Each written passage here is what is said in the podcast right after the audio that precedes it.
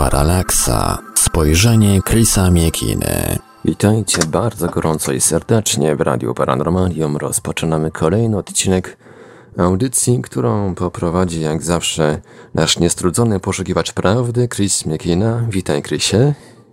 Witam, dobry wieczór wszystkim.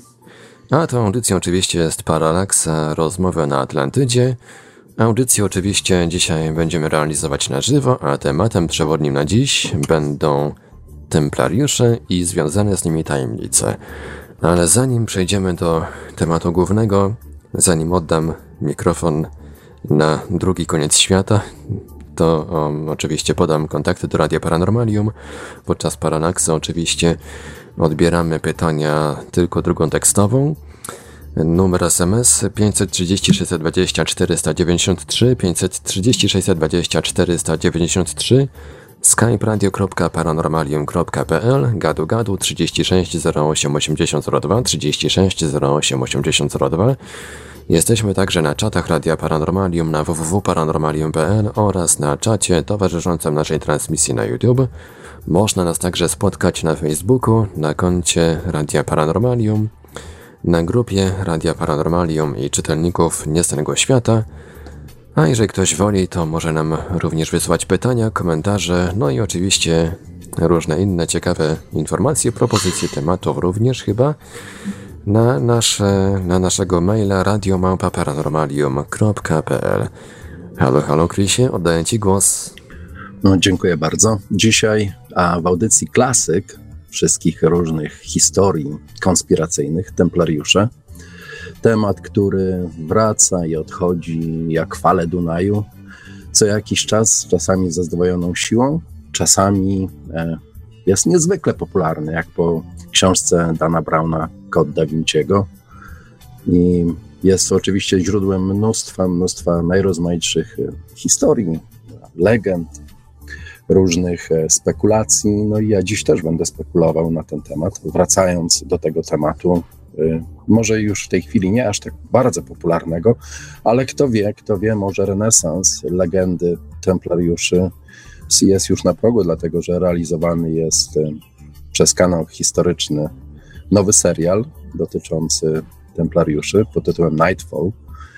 I serial ten jest mniej więcej podobnie zbudowany jak serial Wikingowie, także dużo sensacji, ale trzymającej się maksymalnie historycznych faktów. Jednocześnie wszystko to, co ogląda się na ekranie, jest mniej więcej zgodne z historyczną prawdą, czyli wygląd, broń, krajobrazy nawet, robione oczywiście w technice CG, będą tymi samymi, którymi, które, na które patrzyli wiele set lat temu templariusze, kiedy no, kiedy tworzył się zakon, kiedy budował swoją potęgę, kiedy walczył w Ziemi Świętej i nie tylko, i kiedy podróżował do różnych części świata, tworząc odkrycia, które dziś ciągle kryją rozmaite mroki tajemnicy.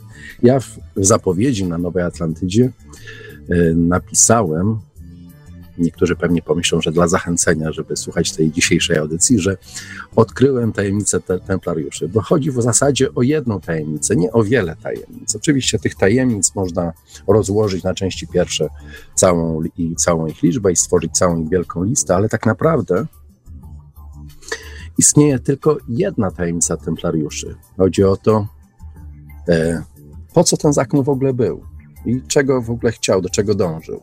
Rozłożono to na części pierwsze i dziś cała historia templariuszy jest przesłoniona przez kilka takich bardzo popularnych elementów.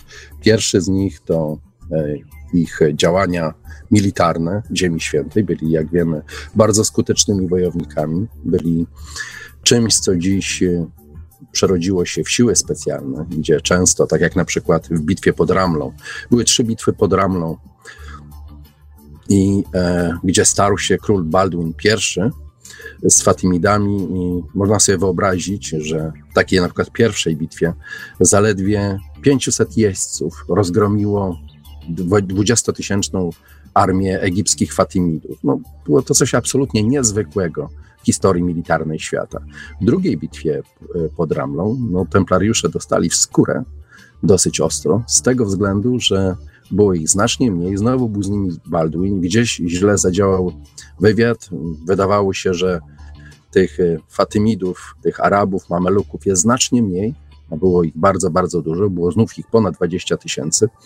Bitwa skończyła się klęską, ale nie całkowitym zniszczeniem krzyżowców i w trzeciej bitwie, e, trzy lata później, e, nastąpiło kompletne rozgromienie tych, tychże samych Fatymidów, gdzie znów ich było ponad 20 tysięcy, gdzie Znów po stronie krzyżowców było zaledwie 500 jeźdźców i bitwa trwała niecałą godzinę. W 45 minut rozgromiono i zmuszono do ucieczki no, wszystkich, wszystkich przeciwników, wszystkich muzułmanów, wszystkich Arabów. W tym czasie to pokazuje, jak niezwykłą siłę i organizację tworzyli krzyżowcy, a szczególnie ich no, najlepsza część, czyli y, zakony, zakony krzyżowe, takie jak templariusze, joannici, krzyżacy i kilka innych mniej znanych które później ewoluowały, zmieniały swoje nazwy, łączyły się czasami ze sobą, a czasami, tak jak templariusze, kompletnie znikali e, z historii. I ta tajemnica templariuszy, żeby do niej w zasadzie dotrzeć i zrozumieć, o co tak naprawdę w tym wszystkim chodziło, myślę, że znów trzeba popatrzeć z lotu ptaka i to ptaka, który rzeczywiście szybuje bardzo, bardzo wysoko i widzi wszystko nie tylko z olbrzymiej odległości, ale także znów w historii znów patrzył głęboko wstecz i w historię, żeby zobaczyć, y, gdzie, jest, gdzie kryje się problem. I ten problem w jakiś sposób stał się dla mnie jasny w momencie, kiedy y, zacząłem interesować się tymi wszystkimi historiami zwią- związanymi z nazistami. Oczywiście naziści też muszą być, nawet kiedy mówię o templariuszach, dlatego że y, jest to najnowsza karta tego, czego szuka świat myślę, że od swojego zarania, od zarania swojej historii. Szuka źródeł czegoś tajemniczego, co było przed nami, jakiejś nieznanej cywilizacji, która dziś istnieje ciągle w legendach, ale bez przerwy mamy do czynienia z nowymi znaleziskami, z nowymi dokumentami, czy to na tabliczkach klinowych, czy to na przykład na zwojach, najrozmaitszych starożytnych zwojach, gdzie zapisywana jest ta wiedza. I prawdopodobnie nie byłoby to aż tak fascynujące, gdyby nie okazało się, że ta wiedza jest w stanie być prowadzona w życie. E, wszystkie zmiany, jakie nastąpiły w Europie, zmiany szczególnie technologiczne, mają nieustannie silny związek z odkrywaniem tej wiedzy. Tej wiedzy, którą określa się jednym słowem, nazywa się to hermetyzm. I z jednej strony jest hermetyzm jest kojarzony z pewną ideologią, z pewnym systemem religijnym, ale z drugiej strony pokazuje on sposób, e, w jaki stosując się do pewnych zasad, jesteśmy w stanie doprowadzić do najrozmaitszych zmian, korzystając na przykład z energii kosmosu, korzystając z wiedzy, jaką stworzyła alchemia, której, e, no, której dziś jesteśmy, kiedy jesteśmy, jesteśmy świadkami, patrząc na przykład na dokonania fizyki kwantowej.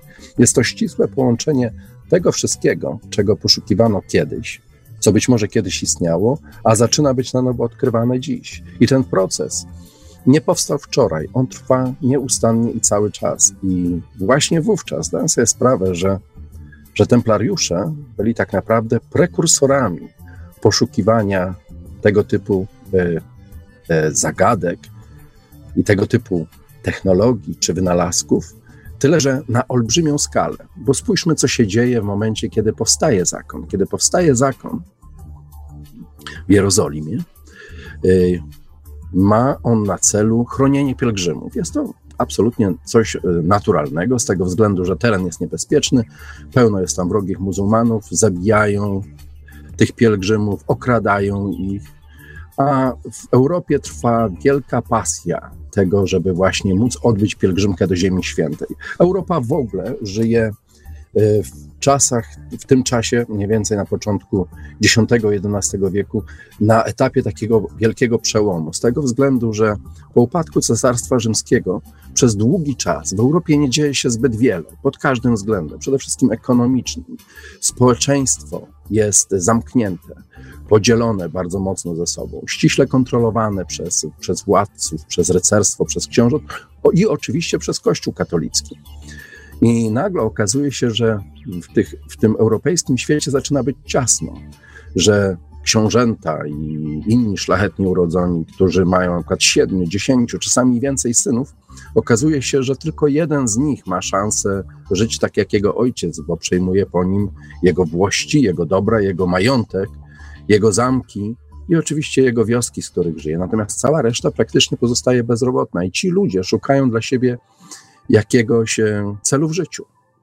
W zasadzie nie robią nic więcej, tylko trenują się do walki. I kiedy czytamy o najrozmaitszych okrucieństwach, jakie y, wymieniano pomiędzy sobą chrześcijanie i muzułmanie w wyprawach krzyżowych, zastanawiamy się, do jakiego zdziczenia jest w stanie doprowadzić e, człowiek, doprowadzić sam siebie człowiek, że, że, że z taką łatwością zadaje ból i cierpienie drugiemu człowiekowi. Wszystko to właśnie wynika ze sposobu życia w tych czasach e, ciemnego i bardzo powolnego e, w, w rozwoju średniowiecza. Praktycznie ekonomia nie istnieje, pieniędzy jest, jest bardzo mało, jedzenie jest ubogie, jakość życia kiepska, większość trapiona jest najrozmaitszymi chorobami. I dlatego wyprawy krzyżowe, które dziś, kiedy patrzy się na nie z perspektywy historycznej, wydają się takim dziwnym nonsensem, bo wydaje się to być pewien rodzaj szaleństwa, że chce się utworzyć jakąś zamorską prowincję, jakieś zamorskie królestwo, Outremer, jak mówili na to Francuzi, e, po to, ażeby e, móc przywołać do glorii e, te wszystkie historie opisane w Nowym Testamencie i przywrócić chrześcijańskiej Europie miejsca, które, które są związane z, z Biblią, wydaje się czymś, czymś bardzo, bardzo niepraktycznym. Tymczasem dało ono ujście tej, tej masie bezrobotnego rycerstwa, które zbijało bąki na, właśnie na treningu wojennym i na turniejach ewentualnie, nie miało dla siebie żadnego celu i sensu w życiu. I jednocześnie, mimo tych olbrzymich, krwawych ofiar, ruszyło tą ekonomię. Europejczycy nagle poznali smak innych potraw, poznali luksusowe towary, nauczyli się żeglować, e, ruszyły stocznie, ruszyła masowa produkcja broni i pancerzy, co jest, co jest oczywiste. No i tysiące ludzi wędrowało z Europy do Ziemi Świętej i z powrotem. To wszystko dokonało tych właśnie wielkich, wielkich zmian. I kiedy popatrzymy na rolę Kościoła w, w tym wszystkim, który próbuje w jakiś sposób zapanować nad tym żywiołem, właściwie jest również często prowodyrem najrozmaitszych działań, widzimy pewien e, widzimy w tym wszystkim pewne konsekwentne działanie. Spójrzmy właśnie, jak działa Kościół. Kiedy czytamy historię, widzimy królów, książąt, hrabiów, widzimy politykę. Tak naprawdę tuż za tą polityką, w zasadzie wcale się nie ukrywając, tuż za tymi decyzjami, jakie są podejmowane, tak naprawdę stoi Kościół. To Kościół, który posiada w średniowieczu jedynych ludzi, którzy posługują się pismem, którzy tworzą tą historię, którzy tworzą dokumenty, raz fałszywe, raz prawdziwe, tak naprawdę to Kościół decyduje o wszystkim, co się wówczas w Europie dzieje. Kościół stara się też e, stworzyć rodzaj administracji, specjalizując się w najrozmaitszych dziedzinach. Aby te specjalizacje miały jakiś sens, zaczyna tworzyć zakony. I bardzo często te zakony są bardzo dalekie od mistycyzmu. Spójrzmy na przykład na zakon cystersów. Cystersi są pierwszymi średniowiecznymi naukowcami. Dokonują najrozmaitszych doświadczeń, ulepszeń i cystersi są siłą napędową krucjat. Y, ten, kto rozpoczął krucjaty, to nie kto inny jak opat z Clairvaux, Bernard, który w swoich płomiennych y, kazaniach podpala Europę Y, tworzy gigantyczną pasję i nową modę na to, ażeby wyruszyć, odbijać z rąk niewiernych grup Chrystusa. Bernard z Clairvaux y, sam swoim działaniem pokazał, że kiedy budował swoje opactwo w zasadzie na jałowej ziemi, gdzieś w górzystym miejscu, niedaleko wioski Clairvaux, w zasadzie było ta, była, to, była to ziemia martwa. On wraz ze swoimi cystersami doprowadził do tego, że ziemia ta nie tylko zaczęła kwitnąć, ale też przynosić olbrzymie dochody. Wkrótce, bardzo szybko opactwo stało się niezwykle bogate, zaczęło tworzyć pewne e, proste wynalazki, które, które ułatwiały e, życie i ludziom, i, no i samym mnichom, którzy dokonywali różnych zmian właśnie ekonomicznych, które później rozprzestrzeniano na, na całą resztę Europy. I to właśnie cystersi zdali sobie nagle sprawę, że oprócz tej wiedzy, którą zdobywają w pocie czoła, i tworzą te bardzo proste wynalazki, istnieje jeszcze jeden rodzaj wiedzy. Wiedza, która istniała dawno, dawno temu. Wiedza, o której wspominałem na samym początku, mówiąc o tym, że kryje, kryje się ona pod słowem hermetyzm.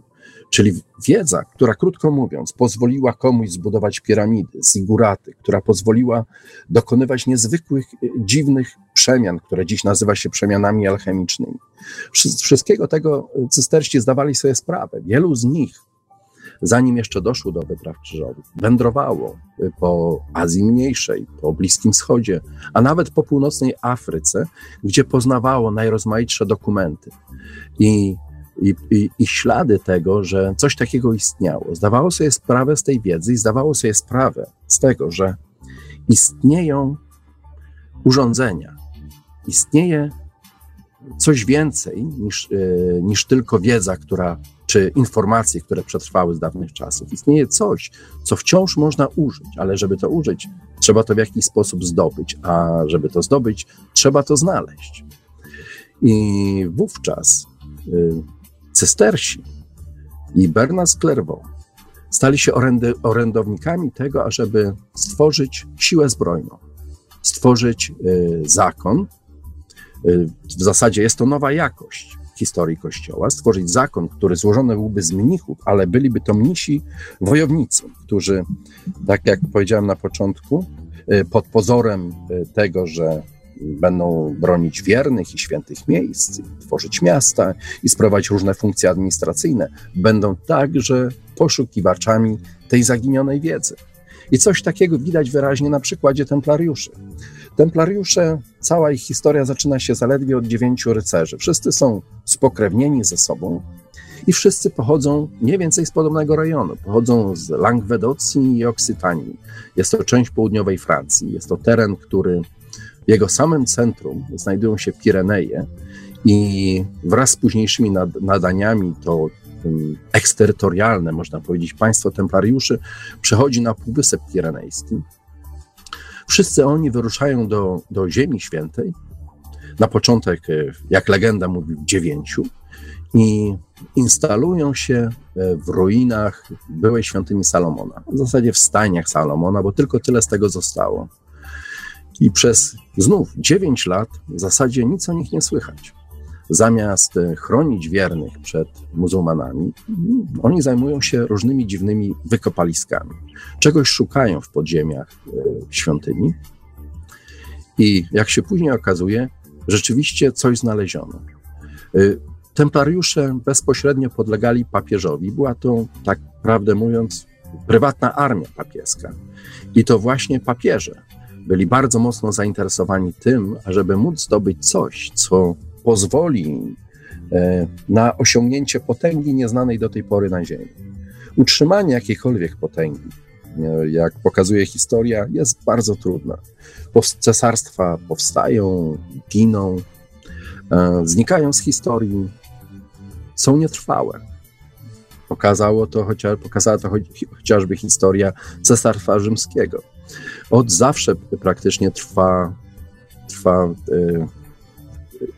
myślenie na ten temat, w jaki sposób można utrwalić tego rodzaju władzę i co może na to wszystko pozwolić. I dlatego papieże, i tu nie, nie wydaje się w tym nic dziwnego, że chcąc zdobyć coś, co było reliktami przeszłości, coś, co pozwalało na utrzymanie takiej władzy, coś, co jak Arka Przymierza sprawiało, że e, armia była nie do pokonania, oczywiście wzbudzało ich wielkie zainteresowanie i apetyt, ażeby to to wszystko posiąść. Jednocześnie studia nad wiedzą hermetyczną potwierdzały, że nie jest to tylko legenda. I w związku z tym wszystko wskazuje na to, że zakon templariuszy został właśnie powołany dokładnie do tego celu. Jego celem było właśnie odkrycie informacji, stworzenie siatki szpiegowskiej, która wyszukiwałaby je dalej i dalej, prowadziła swoje własne badania terenowe, wysyłała wyprawy na zewnątrz, najrozmaitszych miejsc w poszukiwaniu takich informacji, po to, ażeby móc y, wszystkie te relikty przeszłości zdobyć i, e, i posiąść i oczywiście wykorzystać. To oczywiście sprawia wiele zamieszania w historii, bo chyba wszyscy się zgodzą z tym, że cała ta historia powstania zakonu templariuszy, nagłego jego bogactwa i równie nagłego i brutalnego upadku jest w zasadzie kompletnie pozbawiona e, sensu. A żeby to zrozumieć, trzeba założyć, że istnieje właśnie coś jeszcze, co jest głęboko ukryte i do dziś w zasadzie nie zostało zapisane na kartach historii. E, no i właśnie w ten sposób zniknęło z widoku. I zauważmy, że akademicy skrzętnie omijają ten temat, a tylko badacze alternatywni e, poszukują jakiejś innej drogi, ażeby zrozumieć fenomen zakonu, z tym, że sprzeczają się doty- e, ze sobą dosłownie ze wszystkim, e, co dotyczy tej historii. Co dotyczy historii tego niegdyś bardzo potężnego, ale też i mrocznego zakonu. To chyba, z czym wszyscy się zgadzają, to fakt, że Europa bez templariuszy wyglądałaby dziś zupełnie inaczej. Bez nich średniowiecze trwałoby kilka razy dłużej. Bez nich nie wiedzielibyśmy być może nic o ekscesach papieży, o świętej inkwizycji. Bez nich nie powstałaby instytucja banków, jakie mamy obecnie. Bez nich wreszcie prawdopodobnie nigdy nie doszłoby do y, Unii Europejskiej, do zjednoczonej Europy, dlatego że pierwszy koncept zjednoczonej y, Europy właśnie powstał, został stworzony przez templariuszy. Bez templariuszy nie doszłoby także do zderzenia ze sobą dwóch cywilizacji. To, co dziś nazywamy krucjatami, było też oprócz tego olbrzymiego morza krwi, które zostało przelane w tym czasie nie byłoby wymiany tej informacji, gdy okazało się, że to właśnie Arabowie przechowali w swoich archiwach pisma na przykład greckich filozofów, pisma różnych starożytnych uczonych, które spłonęły rzekomo gdzieś e, w bibliotece aleksandryjskiej, ale jak się okazuje, wiele z nich wyniesiono, przez długi czas uważano je za zaginione, i właśnie dzięki wyprawom krzyżowym zostały ponownie odkryte, co doprowadziło do stworzenia renesansu. Bez templariuszy y, w zasadzie krucjaty też nie miałyby sensu. Jeśli przypad, przyjrzeć się temu, jak, w jaki sposób przebiegała pierwsza krucjata, która była niezwykle chaotyczna i w zasadzie nie miała y, żadnego jakiegoś centralnego kierownictwa, czy siły, czy, czy siły zbrojnej, czy armii, która byłaby zdolna pokonać Saracenów, jak wówczas nazywano muzułmanów, no to tylko przez stworzenie armii doskonale wyszkolonych y, mnichów, rycerzy, utrzymanie tego Atremer, tej, tej ziemi świętej pod władaniem chrześcijan przez kilkaset lat, tylko y, dzięki nim było to, było to w ogóle wszystko możliwe. Bez templariuszy nie byłoby też y, prawdopodobnie odkrycia nowego świata. No i później oczywiście odkrycia renesansowych, y, y, stworzenia renesansu i odrodzenia się hermetyzmu. Właściwie cały renesans napędzany jest tym hermetyzmem. Nie byłoby także potęg handlowych i szpiegowskich, takich jak Genua i Wenecja. Y, których znaczenie dla historii świata niemalże za każdym razem jest skrzętnie zamiatane pod dywan. Wenecja, Genua, Padwa i kilka innych miast włoskich, które stworzyły w średniowieczu gigantyczne potęgi, nie tylko militarne, ale i finansowe, jakoś niezwykle rzadko wspominane są w pismach historycznych. Ich wpływ na dzieje świata, na dzieje Europy jest za każdym razem jak, w jakiś sposób pomniejszany, jakby ktoś rzeczywiście chciał ukryć y, tajemnicę, jaka za tym się kryje, być może tajemnicę, która trwa do dziś. Jest kontynuacją tego, co robili e, mieszkańcy Wenecji, dożowie weneccy i, i czy Genueńczycy, którzy przecież stworzyli, czy to stamtąd pochodził Kolumb, który odkrył Amerykę i wiele, wiele innych miast. Templariusze w swojej krótkiej i burzliwej historii stoją, stoją w samym centrum przemian bez precedensu przed nimi, a także po nich. Do dziś trwają spory o to, dlaczego zostali zniszczeni tak nagle i z taką niezwykłą furią. Czy rzeczywiście stał za tym francuski król Filip Piękny, jego wierny klakier papież Klemens V? Czy absurdalna lista os oskarżeń, postawiona na podstawie zdobytych przez inkwizycję zeznań, wymuszonych przez najwymyślniejsze i okrutne tortury, była produktem wyobraźni francuskiego króla i propagandą jego sługi Guillauma Nogareta? Czy może jednak w tych zeznaniach tkwi ziarno prawdy? Dlaczego też Większość Europy w ogóle nie zareagowała na rozbicie zakonu i skrzętnie zajęła się przekazywaniem ich i przejmowaniem ich majątków przez ocalałych rycerzy mnichów do, konkur- do konkurencyjnych zakonów, do joanitów, do krzyżaków, kawalerów maltańskich, którzy w zasadzie są pewną konsekwencją i e, efektem tego, co pozostało po templariuszach. No i wreszcie zasadnicze pytanie, co się stało z potężną flotą templariuszy i co się stało z ich olbrzymimi bogactwami. Nawet akademicy nie mają na to żadnego wytłumaczenia.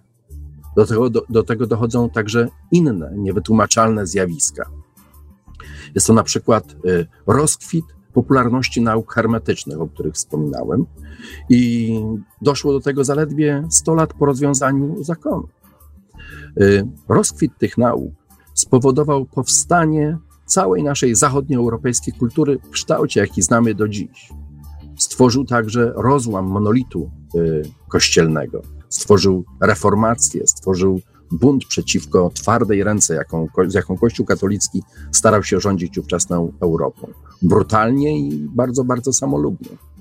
Wszystko to, wszystkie te rozważania mogą doprowadzić do bardzo niebezpiecznych wniosków. Zakon templariuszy został powołany do życia jako zakon krucjatowy, zakon militarny. I z tego tytułu funkcjonował on ponad prawem, tak świeckim, jak i kościelnym, odpowiadając bezpośrednio przed papieżem.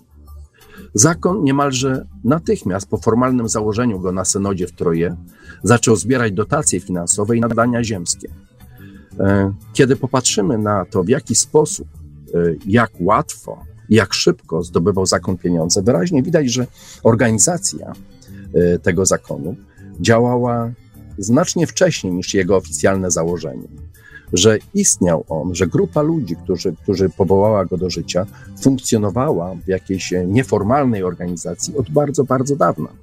I na, w jednym, można o tym przeczytać w jednym z artykułów na Nowej Atlantydzie, kiedy y, okazuje się, że tak naprawdę miejscem, w którym cały ruch templariuszowski powstał, oprócz Oksytanii i Langwedocji, była właśnie Portugalia, gdzie dzięki nadaniom, potężnym nadaniom królewskim, zwłaszcza przez króla, na, przez króla Juana II, templariusze zdobyli olbrzymie posiadłości. Wówczas jeszcze nie nazywali się templariuszami, ale zdobyli olbrzymie posiadłości i w tym momencie e, powstała możliwość e, tego, że templariusze są w stanie stworzyć swoje własne, niezależne państwo.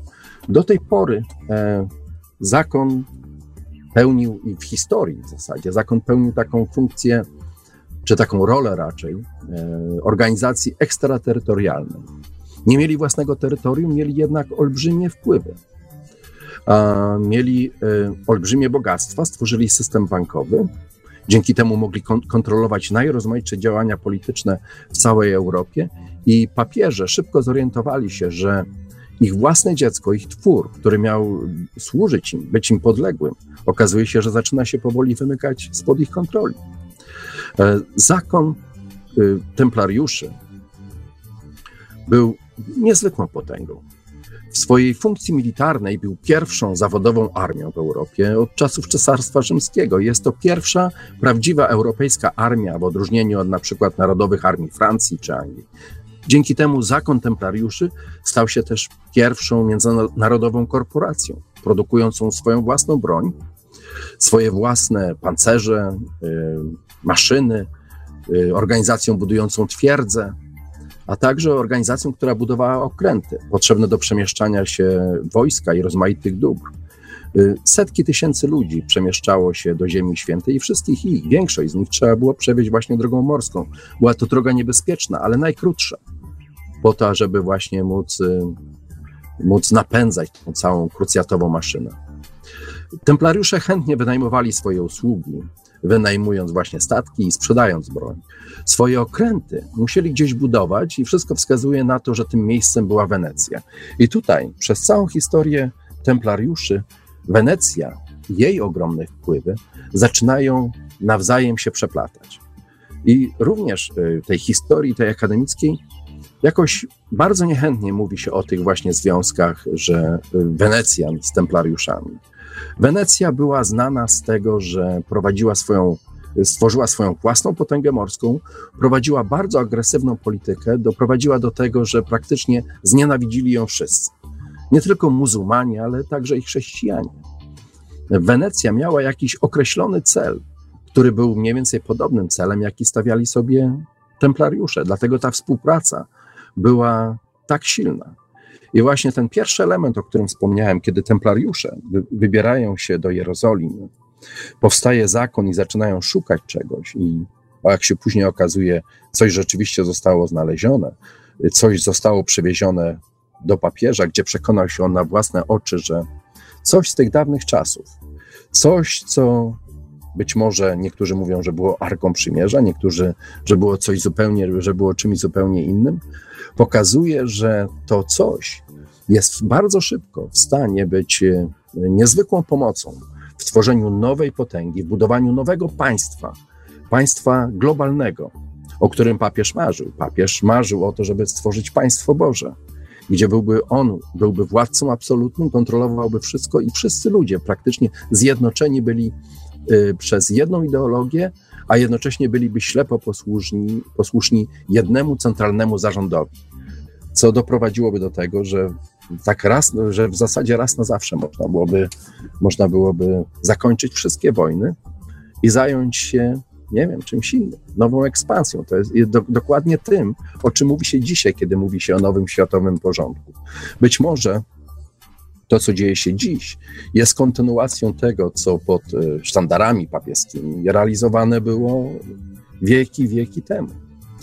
I teraz, e, kiedy popatrzymy na to, co wydarzyło się, kiedy templariusze powrócili do Europy i przywieźli coś y, niezwykle tajemniczego, o czym, o czym do dziś w zasadzie nie mamy pojęcia, czym mogło to być, widzimy niemalże nie, natychmiastowy efekt y, działania czegoś.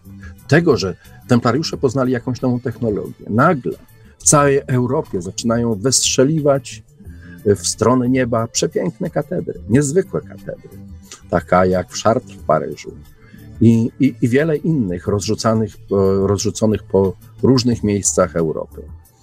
Powstaje gotyk. Jest to rzeczywiście piękny i elegancki styl, miły dla oka, bardzo, bardzo estetyczny, ale być może ma jeszcze jakiś jeden cel. Te dwie wieże, którą, które y, są charakterystyczne dla tych katedr, sugerują właśnie jakiś dziwny związek pomiędzy tym, y, co templariusze odkryli, a świątynią Salomona gdzie to odkryli? Świątynia Salomona, jak wiemy, również posiadała dwie wieże, a w zasadzie dwa słupy, dwa święte słupy, przez które wchodziło się do, do wnętrza y, świątyni. Były one niezwykle istotne i y, y, dla, dla, dla Salomona i całego judaizmu w tamtych czasach. I aż sama świątynia gromadziła właśnie takie artefakty, jak właśnie Arka Przymierza, która później gdzieś została ukryta, gdzieś wywieziona, a także wiele innych, można się domyślać jakich, e, reliktów, czyli, czyli artefaktów, urządzeń, informacji, które były składowane w świątyni, które dawały właśnie niezwykłą potęgę temu, kto to był w ich posiadaniu. I dziś e, wiemy z całą pewnością, że templariusze poszukiwali tego typu rzeczy, dlatego że już w latach 30. odkryto sieć korytarzy pod Jerozolimą. Anglicy prowadzili tam swoje badania, armia angielska, inżynierowie angielscy prowadzili tam swoje badania i odnaleźli stare korytarze, które ktoś wyżłobił. Szybko ustalono, kto wyżłobił te korytarze, wiele z nich w litej skale. I po tym, co znaleziono, z łatwością stwierdzono, że musieli to być właśnie templariusze, którzy czegoś szukali. Kiedy odnaleziono zwoje z Qumran, pewne Tajemnice, na które mogli natrafić templariusze, stały się jasne. Zwoje z Qumran były to zwoje, z których, e, które przechowały w sobie wiedzę Eseńczyków. Eseńczycy była to sekta żydowska, jedna z najbardziej wpływowych sekt. Niektórzy mówią, że właśnie e, to z nauk Eseńczyków czerpał Jezus, tworząc chrześcijaństwo w dzisiejszej formie, takie jak je znamy. E, i oprócz tych dokumentów, których wiele było dokumentami ezoterycznymi, wiele z nich było dokumentami um, religijnymi, były także i inne dokumenty. Jeden z nich, chyba najbardziej efektowny, tak zwany miedziany zwój, był listą, listą miejsc, gdzie ukryto jakieś niezwykłe skarby.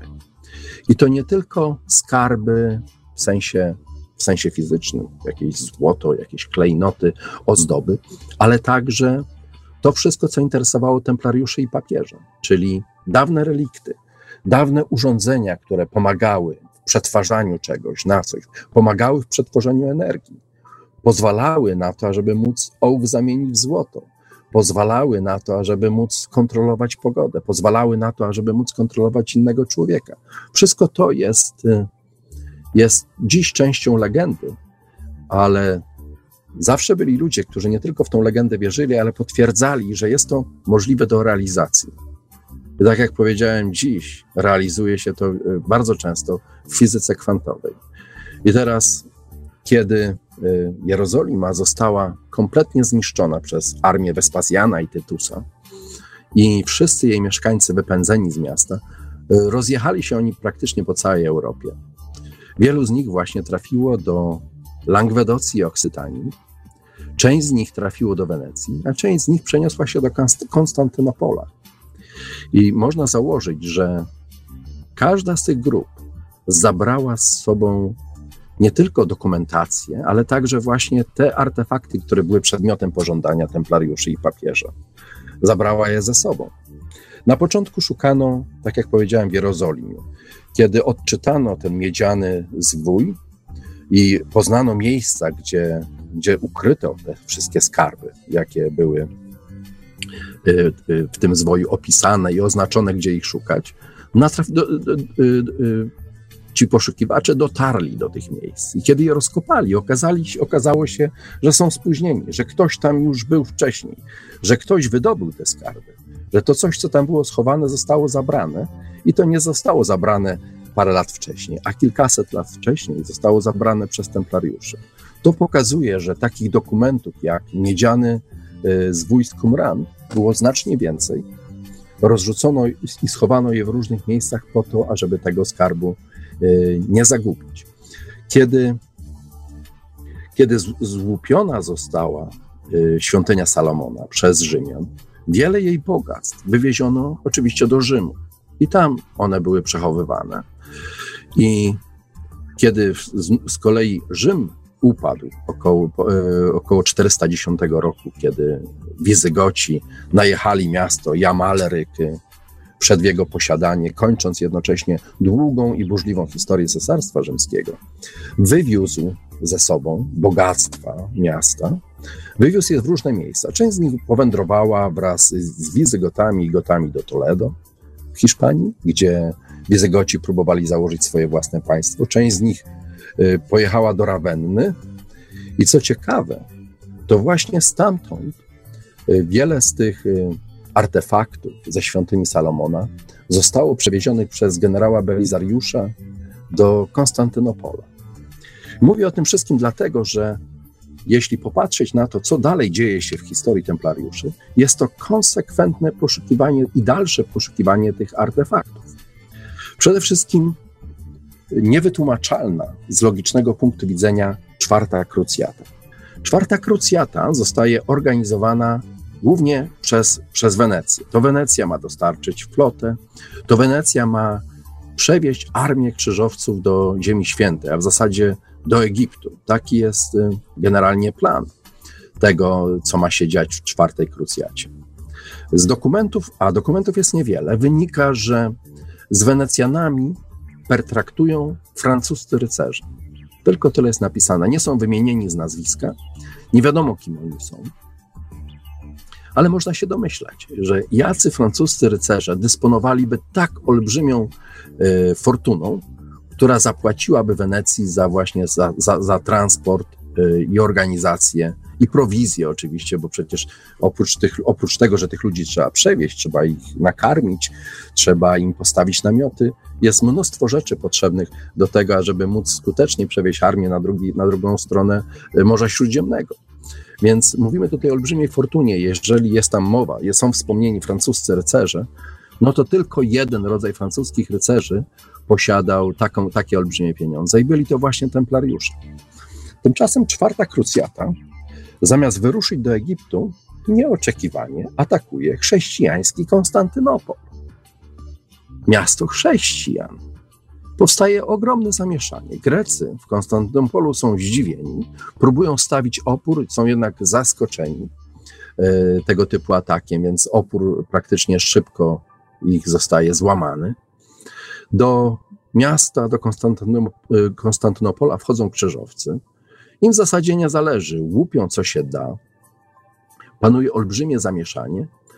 No i znów właśnie tam pojawiają się templariusze. I gdzie pojawiają się templariusze? Pojawiają się w bibliotece. Pojawiają się w cesarskiej bibliotece w Konstantynopolu. Czyli znów pokazuje to konsekwentne działanie zakonu. Szukają czegoś, co zostało w tej bibliotece ukryte, a więc nie dokumenty przede wszystkim, mapy, co jest niezwykle ważne i istotne, no a także artefakty, które być może właśnie przywiózł tutaj wiele lat wcześniej generał Belizariusz. To wszystko niezwykle interesujące i frapujące. I myślę, że w jakiś sposób ta akcja, to co wydarzyło się w czasie czwartej krucjaty, w jaki sposób także y, przysłużyło się do tego, że los templariuszy został przypieczętowany. Templariusze robią wiele interesów y, z Wenecją. Wenecja, mając potężne, olbrzymie ambicje polityczne, militarne i oczywiście finansowe, a w zasadzie musi partycypować w tym sojuszu z templariuszami. Wenecja jest w stanie pokonać konkurencyjne miasta, y, które które próbują przejąć weneckie interesy. Jednocześnie na Wenecję niechętnym okiem patrzy większość europejskich władców. I Wenecja wie, że leżąc w tym miejscu Morza Śródziemnego, w którym e, dziś to miasto się ciągle znajduje, wie, że jest tak naprawdę jest łatwa do zamknięcia, jest łatwo do zablokowania. I rzeczywiście była to taka samo spełniająca się przepowiednia, bo w końcu, kiedy wszyscy wściekli się na Wenecję do tego stopnia, że w zasadzie dookoła Wenecji byli już jej tylko sami wrogowie, a państwo Dożów, niezwykle potężne i bogate, nagle upadło. Można powiedzieć, że praktycznie wręcz poddało się bez jakiejś ciężkiej walki. Dosłownie zniknęło. Natomiast jeśli przyjrzeć się, w jaki sposób interesy były prowadzone, interesy z, z templariuszami, no to wyraźnie widać, że Wenecja już wówczas inwestowała w swoje wyjście na Ocean Atlantycki, korzystając z portów, jakie mieli do swojej dyspozycji templariusze. W czasach, kiedy zakon wciąż jeszcze istniał, było to La Rochelle, a później były to także porty brytyjskie. I kiedy popatrzymy, w jaki sposób odkrywana jest Ameryka i w jaki sposób dzielone są, dzielone są, dzielony jest kontynent pomiędzy zdobywców, widać wyraźnie, że ta rywalizacja Wenecji z całą resztą świata trwa nadal, dlatego że Wenecjanie inwestują w Anglików, inwestują w ich flotę i przywożą do Anglii gigantyczną, niezmierzoną wręcz fortunę.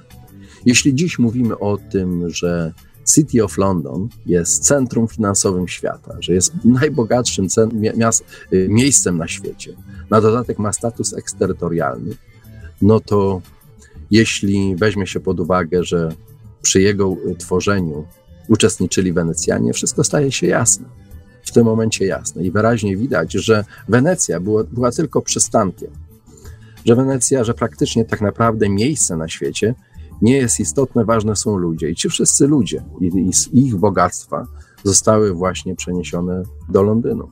I stąd rozpoczęła się ekspansja. I wówczas, i wówczas Y, papież zaczyna rozumieć, że wyhodował żmiję na swoim własnym ciele i nagle zdał sobie sprawę, że templariusze rosnąc w potęgę, tak naprawdę są w stanie y, stworzyć swoje państwo. I są w stanie stworzyć je y, na terenie właśnie Langwedocji, południowej Francji i rozciągnąć je aż na, na drugą stronę Pireneju. Coś takiego w Europie dla papieża było praktycznie nie do pomyślenia. Stąd to stąd działania, jakie zostały podjęte do tego, ażeby najpierw wprowadzić zakon w pułapkę, a następnie go zniszczyć. I takim następnym punktem, bardzo ważnym, centralnym i istotnym, jest krucjata przeciwko Albigensom. Ale Albigensom i Katarom, tak się, tak się to, to powszechnie nazywa. Albigensi i Katarzy była to sekta. dość interesująca sekta. Rozwijała się w zasadzie, można powiedzieć, bez przeszkód w południowej Europie, właśnie w Langwedocji, właśnie w miejscu, gdzie skąd pochodzili templariusze, skąd pochodziła większość templariuszy. W swoim największym rozkwicie, kiedy templariusze liczyli sobie tysiące członków, y, wciąż 30% wszystkich templariuszy, 30% właśnie pochodziło z tego jednego regionu. To pokazuje, jak bardzo, jak wielkie było nasycenie tym ruchem, tą ideologią i tą myślą właśnie w, w tej Langwedocji. No i y, tym największym problemem był fakt, że Langwedocja w sposób powolny i właściwie nieoczekiwany dla papieży zmieniła swoją wiarę.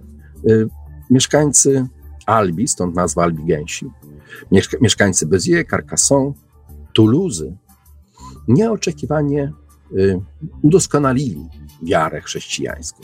Udoskonalili ją w sposób, który dla Kościoła katolickiego był niedopuszczalny. Nieoczekiwanie z jednego Boga zrobiło się dwóch bogów, gdzie tak jak na, na tym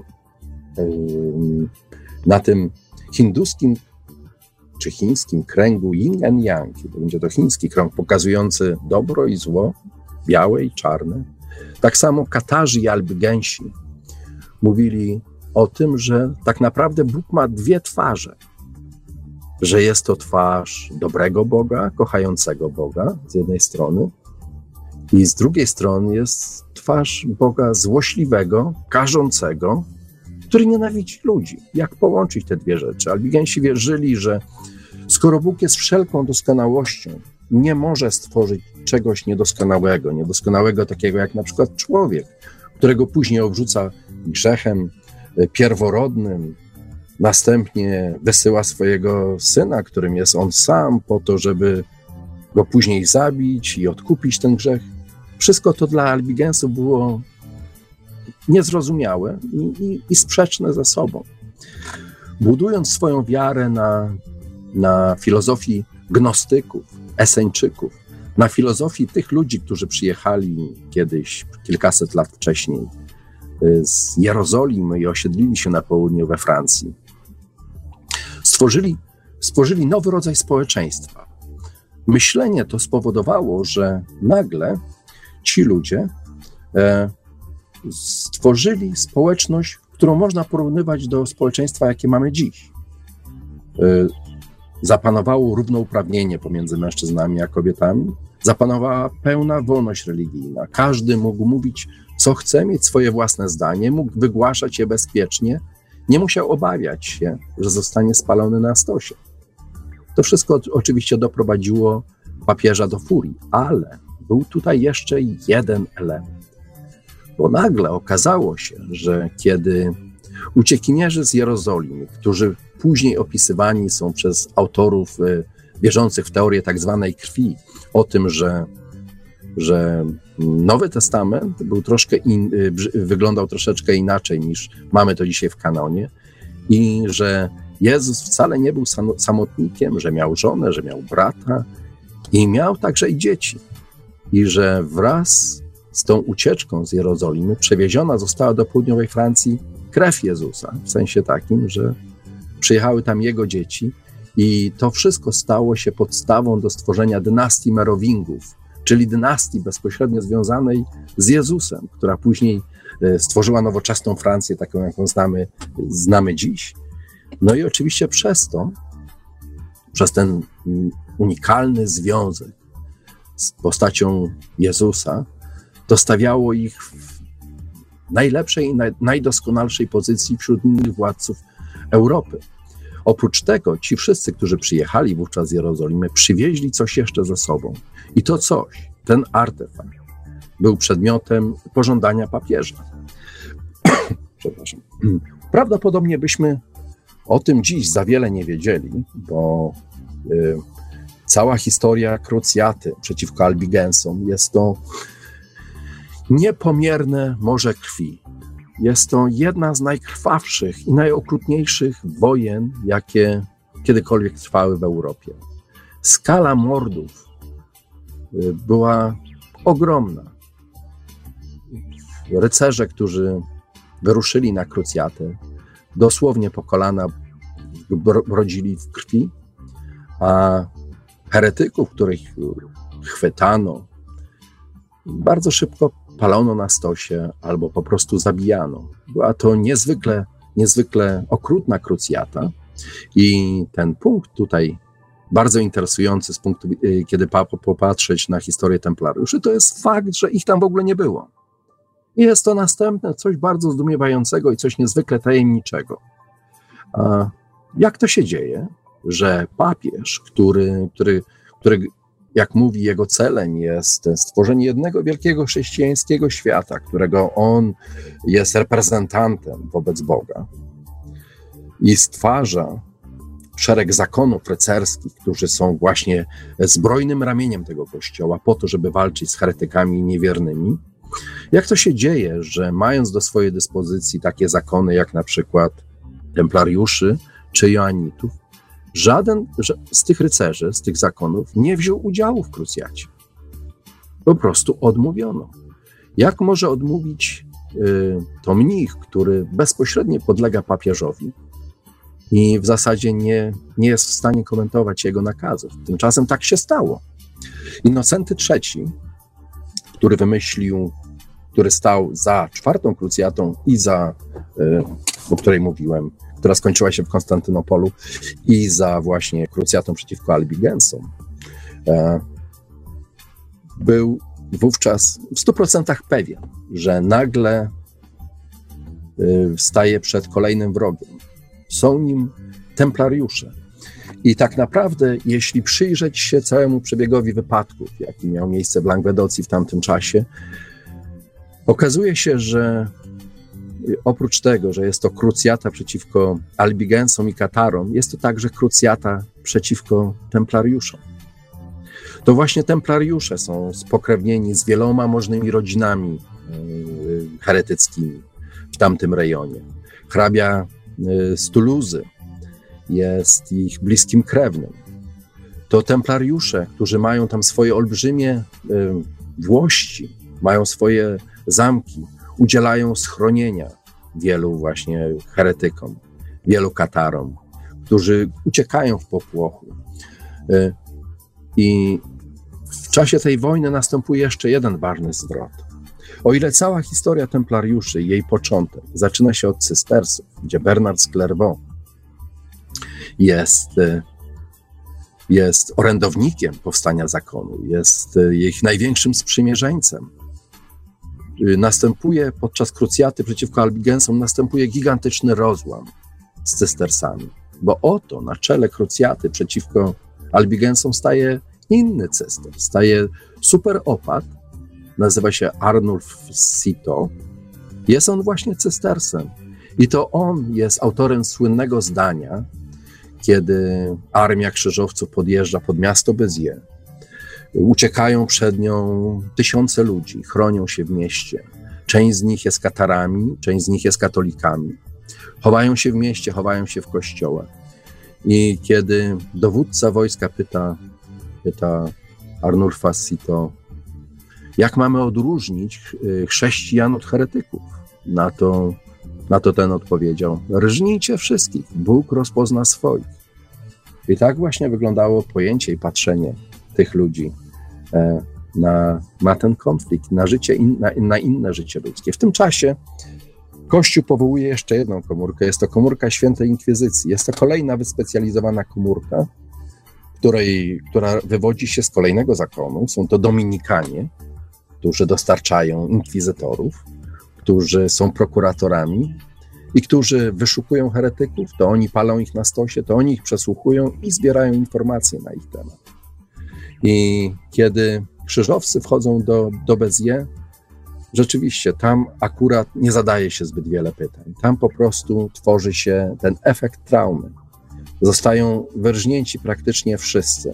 Kobiety, dzieci, starcy, nie miało to znaczenia dla krzyżowców. Padli w szał zabijania. Wielka panika spadła na cały ten teren. I następne miasto, które było, którym było Carcassonne, które było doskonale ufortyfikowane, już stawiło opór. I to opór tak twardy, że przez wiele miesięcy no, miasto wydawało się właściwie niemożliwe do zdobycia. Aż któregoś dnia okazało się, że miasto kompletnie ucichło. Nikogo nie dostrzeżono na wałach, na wieżach. Kiedy rozbito bramę i kiedy, kiedy krzyżowcy weszli do środka, okazało się, że miasto jest puste. Przez całą noc ludzie z miasta, tysiące ludzi, uciekało podziemnymi korytarzami i wydostało się na zewnątrz tak, że nie zostali zauważeni przez krzyżowców. Zostało 500 osób. I nawet te 500 osób to byli zazwyczaj ludzie starzy i chorzy, którzy nie byli w stanie wydostać się o własnych siłach z miasta i nie można ich było wynieść na czyichś plecach. I wyobraźcie sobie, że nawet tych, y, z tych 500 ludzi, 400 z nich natychmiast spalono na stosie. Po szybkiej selekcji, jakiej dokonała y, święta inkwizycja. To spowodowało olbrzymią, krwawą wojnę. Bardzo bezwzględną wojnę. Trwała ona 45 lat. I jej celem, oprócz właśnie, tak jak mówiłem wcześniej, zgładzenia tego ruchu heretyckiego albigensów, było coś jeszcze. Było coś, co odkrył pewien młody Niemiec, który nazywał się Otto Rahn. Otto Rahn był historykiem, którego fascynowała średniowieczna historia, historia Niemiec i przede wszystkim fascynował go epos rycerski Parsifal, napisany przez Wolframa von Eschenbacha. Kiedy wczytywał się w słowa tego eposu, zauważył nagle, że tak naprawdę wcale nie dotyczy to żadnych, ta historia nie dotyczy jakichś legend, że nie jest wymyślona, że jest oparta na faktach. I te fakty znalazł właśnie w tej e, krucjacie albigensów. Okazało się, że to odkrył właśnie Ran, że cały Parsifal jest zapisem, ukrytym zapisem historii albigensów, a także historii rodów albigensów, że odpowiada ona temu, co działo się i co, i co wydarzyło się w tamtych y, czasach, w czasach właśnie tej straszliwej y, krucjaty. I z tej opowieści wynikało, że Katarzy i Albigensi przechowywali coś niezwykle cennego, coś, co było, coś, co było przedmiotem pożądania papieża. I był to niezwykły kamień, kamień, który być może, być może pochodził z nieba, być może spadł z nieba, był to legendarny kamień, który y, nazywany był czasami kamieniem Lucyfera. I miał on spaść wówczas, kiedy upadłe anioły spadały na ziemię, ten kamień spadał razem z nimi i był kiedyś częścią diademu Lucyfera. I był to jeden z tych legendarnych artefaktów, które, e, które właśnie były przedmiotem pożądania tak samo silnym jak e, Arka Przymierza. I dziś ten kamień Lucyfera i to, co przechowywali Katarzy, znamy pod nazwą Świętego Grala. Nikt dokładnie nie wie, co to jest. Czy jest to kielich, czy jest to jakiś inny przedmiot, czy jest to na przykład coś, co się nazywało e, stołem Salomona. Była to skrzynia, niektórzy mówią, że mogła to być Arka Przymierza, ale niekoniecznie musiała to być Arka Przymierza. Było to skrzynia, na której zamontowały, zamontowane były trzy kielichy, stąd może właśnie często święty Graal kojarzony jest z kielichem. Był to artefakt, który przechowywany był właśnie najpierw w Toledo, później znaleźli go Goci, później gdzieś zniknął. Rozpłynął się w, gdzieś w historii i prawdopodobnie został ukryty właśnie w Langwedocji, gdzie przechowywali go Katarzy.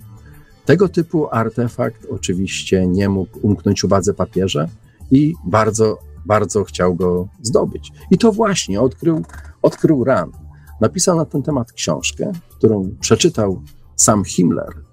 I Himmlerowi tak się ta książka spodobała i podejście do tego, w jaki sposób traktuje historię Ran, że no, temat potraktowano bardzo poważnie, ponieważ znamy Y, z tej nie tak dawnej historii o tym, że Himmler stworzył organizację Annenerbedienst, która poszukiwała tego typu artefaktów.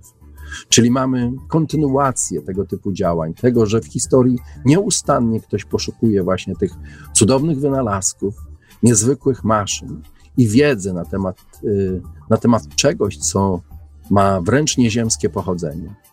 E, zapisał rana do SS i zaczęto prowadzić tam badania. Co co ciekawe, badania i wykopaliska, i archeologiczne, i przeszukiwania różnych kopalń, szybów, ruin, miejsc, w których przebywali Katarzy, prowadził regiment SS y, zwany regiment von Salza. I, i von Zalca był założycielem i pierwszym wielkim mistrzem zakonu krzyżaków, co jakby jeszcze y, raz zamyka tą historię w jednej klamrze, klamrze i pokazuje, że historia kołem się toczy i ma, niesie ze sobą niezwykłe konsekwencje. Jak widzę, już do, docieramy powoli do końca programu, także szybciutkie podsumowanie moje jest takie. Tajemnica templariuszy polega na tym, że właśnie y, zakon ten chciał stworzyć swoją, swoje własne państwo, które wolne byłoby od władzy świeckich książąt i królów, ale także od władzy papieża. Że państwo to nie tylko miało być stworzone w południowej Francji i, i na terenie tuż za Pirenejami, ale miało także łączyć ze sobą nowo odkryty ląd, Amerykę. Dziś istnieje wiele śladów, które znaleziono w Pensylwanii, Nowym Jorku, Massachusetts, Minnesocie nawet, które świadczą o tym, że ktoś odbywał tutaj podróże i ślady, jakie zostawiono, wskazują na templariuszy.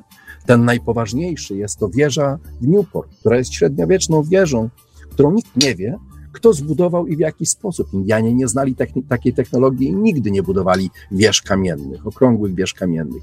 Dziś ta wieża, która ma pewnie 7-8 pięter, ciągle góruje nad miastem Newport, Massachusetts jest tam, e, stoi tam sobie w parku i nikt nie wie, skąd ona się tak naprawdę stąd wzię, skąd ona się wzięła.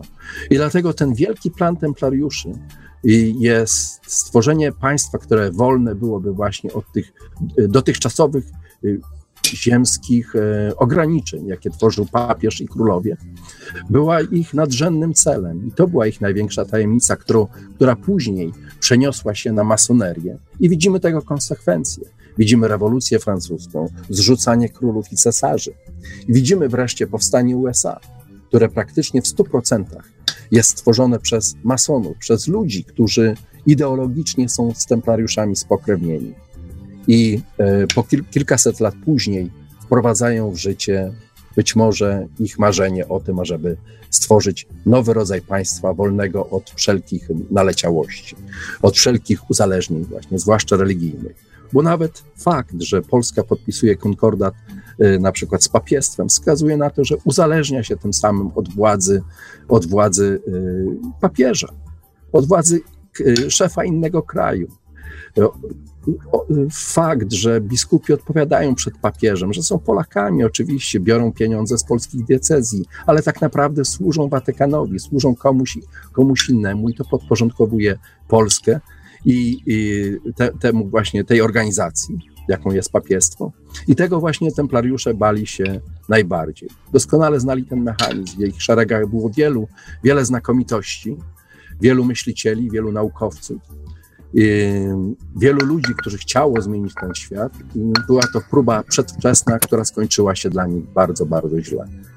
I może tym smutnym trochę elementem, a może i nie smutnym, bo nie wiadomo do czego do, doprowadziłoby powstanie takiego kraju templariuszy. Zakończymy dzisiejszą audycję. Dziękuję jeszcze raz wszystkim bardzo. Dziękuję Weliosie za realizację i za cierpliwość. Dzięki jeszcze raz i do usłyszenia za tydzień. A te słowa mówi do Państwa nasz niestrudzony poszukiwacz prawdy Chris McKina, autor serwisu nowaatlantyda.com. E, zachęcamy oczywiście do odwiedzenia częstego e, serwisu Nowa Atlantyda, bo tam zawsze dowiecie się Państwo co nieco o nadchodzących odcinkach Paralaksy, a audycję od strony technicznej jak zawsze obsługiwał Marek Sękiewelios, Radio Paranormalium, Paranormalny Głos w Twoim domu. Dobranoc i do usłyszenia już za tydzień. Produkcja i realizacja Radio Paranormalium. Www.paranormalium.pl